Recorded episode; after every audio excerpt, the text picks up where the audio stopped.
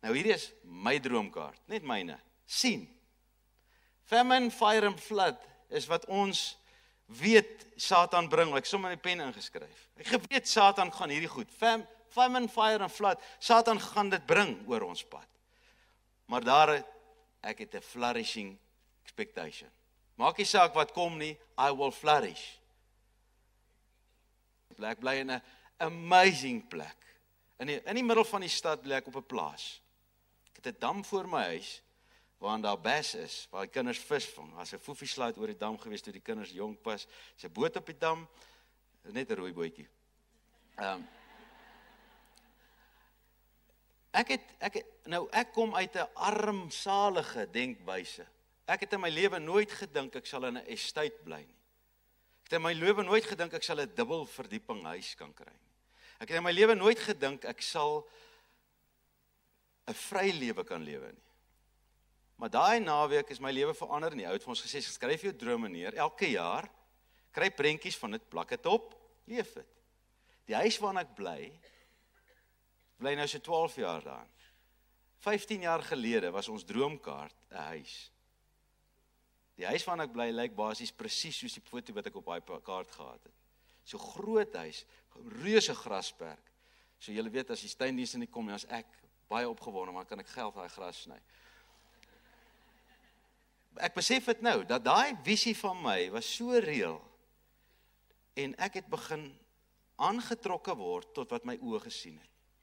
Nou die eerste punt van 'n droom of om op te staan en jou lewe te begin is weet waartoe jy wil gaan.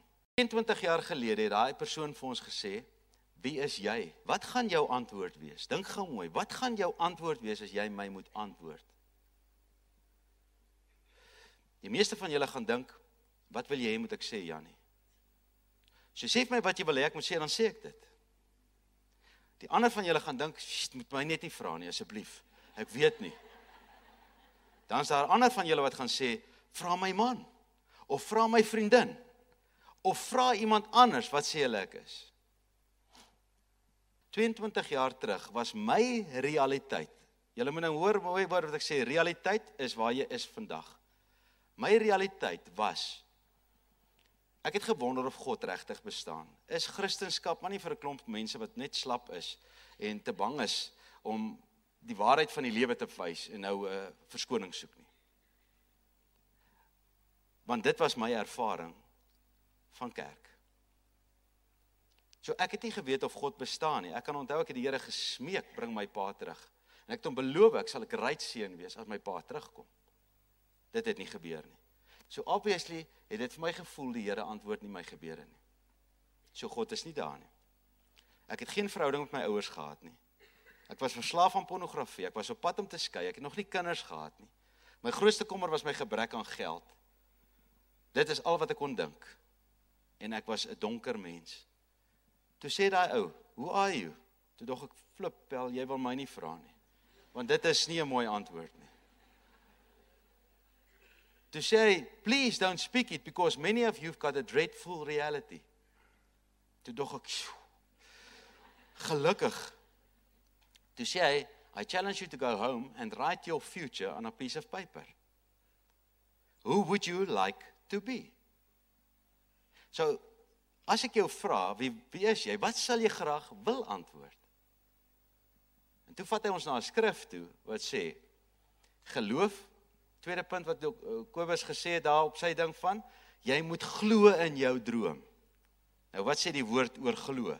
Geloof kom deur te hoor en te hoor deur die woord van God.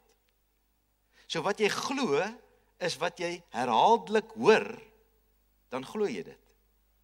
Ek as ek vir julle vandag vra wat glo julle oor enige iets, dan gaan ek vir jou vra waar kom dit vandaan? Jy sê ek het dit gehoor. Ek het dit gehoor. Uh ek glo ek is vet. O, wanneer het jy dit gehoor? Jy van kleins af. Nou kyk ek in die spieël en ek sien ek is vet. Jy het vet geword omdat jy geglo het jy's vet. Wat jy glo, luister mooi. Ek sê dit in Engels because daar's 'n paar Engelse mense ook hier. Whatever you believe whatever you believe you will prove to be true.